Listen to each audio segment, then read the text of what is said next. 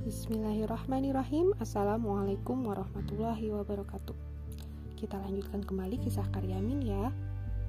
Diambil dari cerita pendek Senyum Karyamin Yang ditulis oleh Ahmad Tohari Diambil dari buku dengan judul yang sama Kumpulan cerita pendek Senyum Karyamin Senyum Karyamin bagian ketiga Sebelum naik meninggalkan pelataran sungai, mata Karyamin menangkap suatu yang bergerak pada sebuah ranting yang menggantung di atas air. Oh, si paruh udang. Punggungnya biru mengkilap. Dadanya putih bersih dan paruhnya merah saga. Tiba-tiba burung itu menukik, menyambar ikan timah sehingga air berkecipak. Dengan mangsa di paruhnya, burung itu melesat melintas para pencari batu, naik menghindari rumpun gelagah yang lenyap di balik gerumbul pandan. Ada rasa iri di hati Karyamin terhadap si paruh udang, tapi dia hanya bisa tersenyum sambil melihat dua keranjangnya yang kosong. Sesungguhnya, Karyamin tidak tahu betul mengapa dia harus pulang. Di rumahnya tak ada sesuatu buat mengusir suara keruyuk dari lambungnya istrinya juga tak perlu dikhawatirkan. Oh ya, Karyamin ingat bahwa istrinya memang layak dijadikan alasan buat pulang.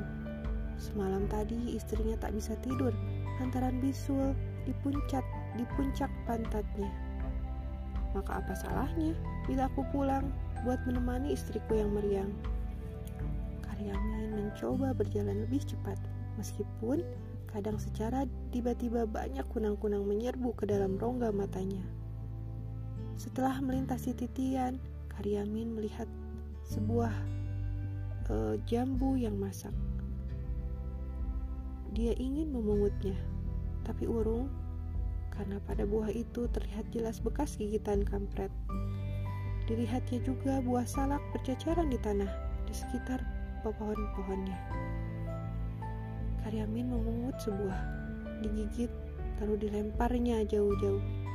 Lidahnya seakan terkena air tuba oleh rasa buah salak yang masih mentah. Dan Karyamin terus berjalan.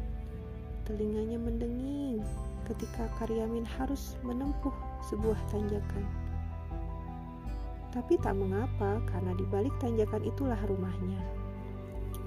Sebelum habis mendaki tanjakan, Karyamin mendadak berhenti. Dia melihat dua buah sepeda jengki diparkir di halaman rumahnya. Denging dalam telinganya terdengar semakin nyaring. Kunang-kunang di, mana, di matanya pun semakin banyak. Maka Karyamin sungguh-sungguh berhenti dan termangu. Dibayangkan istrinya yang sedang sakit harus menghadapi dua penagih bank harian Padahal Karyamin tahu istrinya tak mampu membayar kewajibannya. Hari ini, hari esok, hari lusa, atau entah hingga kapan. Seperti entah kapan datangnya tengkulak yang telah setengah setengah bulan membawa batunya. Masih dengan seribu kunang-kunang di matanya, Karyamin mulai berpikir, apa perlunya dia pulang? Dia merasa pasti tak bisa menolong keadaan atau, atau setidaknya menolong istrinya yang sedang menghadapi dua penagih utang harian.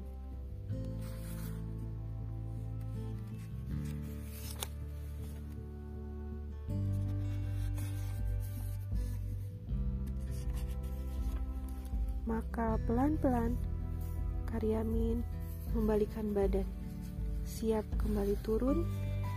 Namun di bawah sana Karyamin melihat seorang laki-laki dengan baju batik motif tertentu dan berlengan panjang.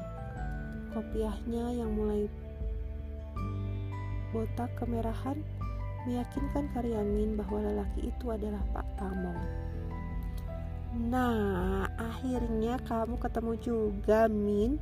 Ku cari kau di rumah tak ada, di pangkalan batu tak ada. Kamu mau menghindar ya? Menghindar? Ya, kamu mau beli nih?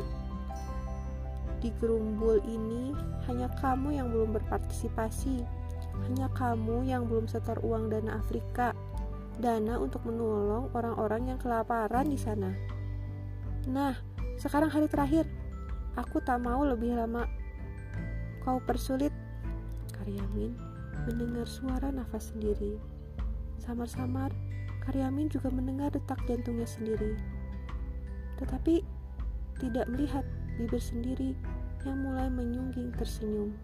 Senyum yang sangat baik untuk memiliki kesadaran yang mendalam akan diri serta situasi yang harus dihadapinya. Sayangnya, Pak Pamong malah jadi marah oleh senyum Karyamin. Kamu menghina aku, Min? Tidak, Pak. Sungguh tidak. Kalau tidak, mengapa kamu senyum-senyum? Ayo cepat, mana iuranmu? Kali ini Karyamin tidak hanya tersenyum, melainkan tertawa keras-keras. Sedemikian kerasnya hingga mengundang seribu lebah masuk ke telinganya seribu kurang-kurang masuk ke matanya. Lambungnya yang kempong berguncang-guncang dan merapuhkan keseimbangan tubuh seluruh tubuhnya. Ketika melihat tubuh Karyamin jatuh terguling ke lembah, Papa Mong berusaha menahannya. Sayang, gagal.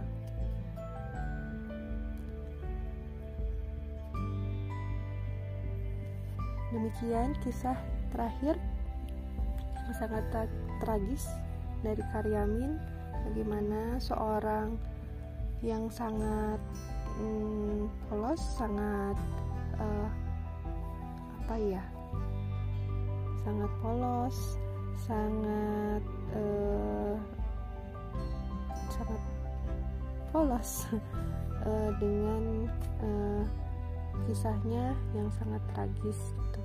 bagaimana dia harus menanggung utang bagaimana dia juga punya utang ke bank tiba-tiba ada uh, kepala desa uh, yang menagih kepadanya uh, kemudian uh, untuk apa? Meminta dana untuk orang-orang kelaparan. Padahal dicerit di dari di awal diceritakan sampai dengan akhir bahwa uh, kondisi Karyamin yang berkunang-kunang yang kelaparan itu harusnya dia menolong dirinya sendiri tetapi malah dimintai orang lain untuk dimintai kepala desa untuk membantu dana orang-orang yang kelaparan di Afrika lagi. Luar biasa ya jadi ini eh, sangat apa ya kisah yang sangat unik sangat Indonesia banget gitu ya jika kita bisa menarik kesimpulannya ya mudah-mudahan ada manfaatnya terima kasih untuk uh, atensinya kita berjumpa lagi di lain kesempatan. Wassalamualaikum warahmatullahi wabarakatuh.